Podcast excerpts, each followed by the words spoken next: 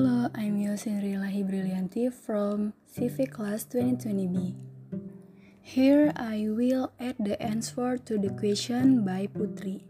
In the context of 21st century learning, learning that applies certificate, critical thinking, cooperation, communication skill, social and character skill, it must be maintained that as an educational institution, students still need technical skills.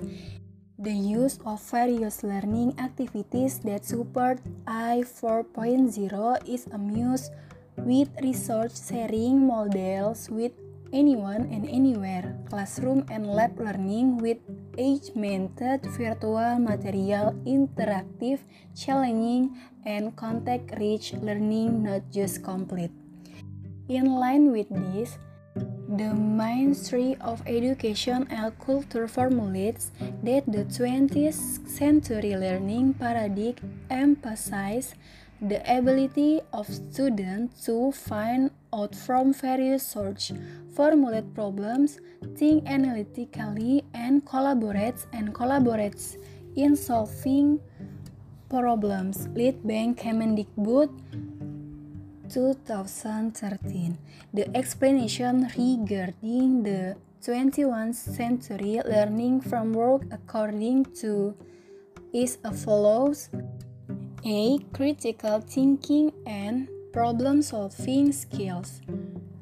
Able to think critically, laterally, and systematically, especially in the context of problem solving. B. Ability to communicate and collaborate. Communication and collaboration skills.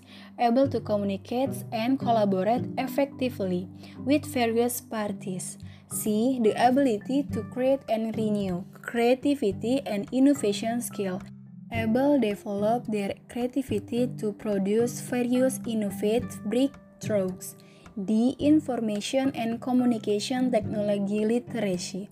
Able to utilize information and communication technology to improve performance and daily activities. E contextual learning skill, being able to undergo contextual independent learning activities as part of personal development. And V, information and media literacy skills, being able to understand and use various communication media to convey various ideas and carry out collaborative activities as well as interaction with various parties. Okay, I think enough. Hopeful, useful. Thank you.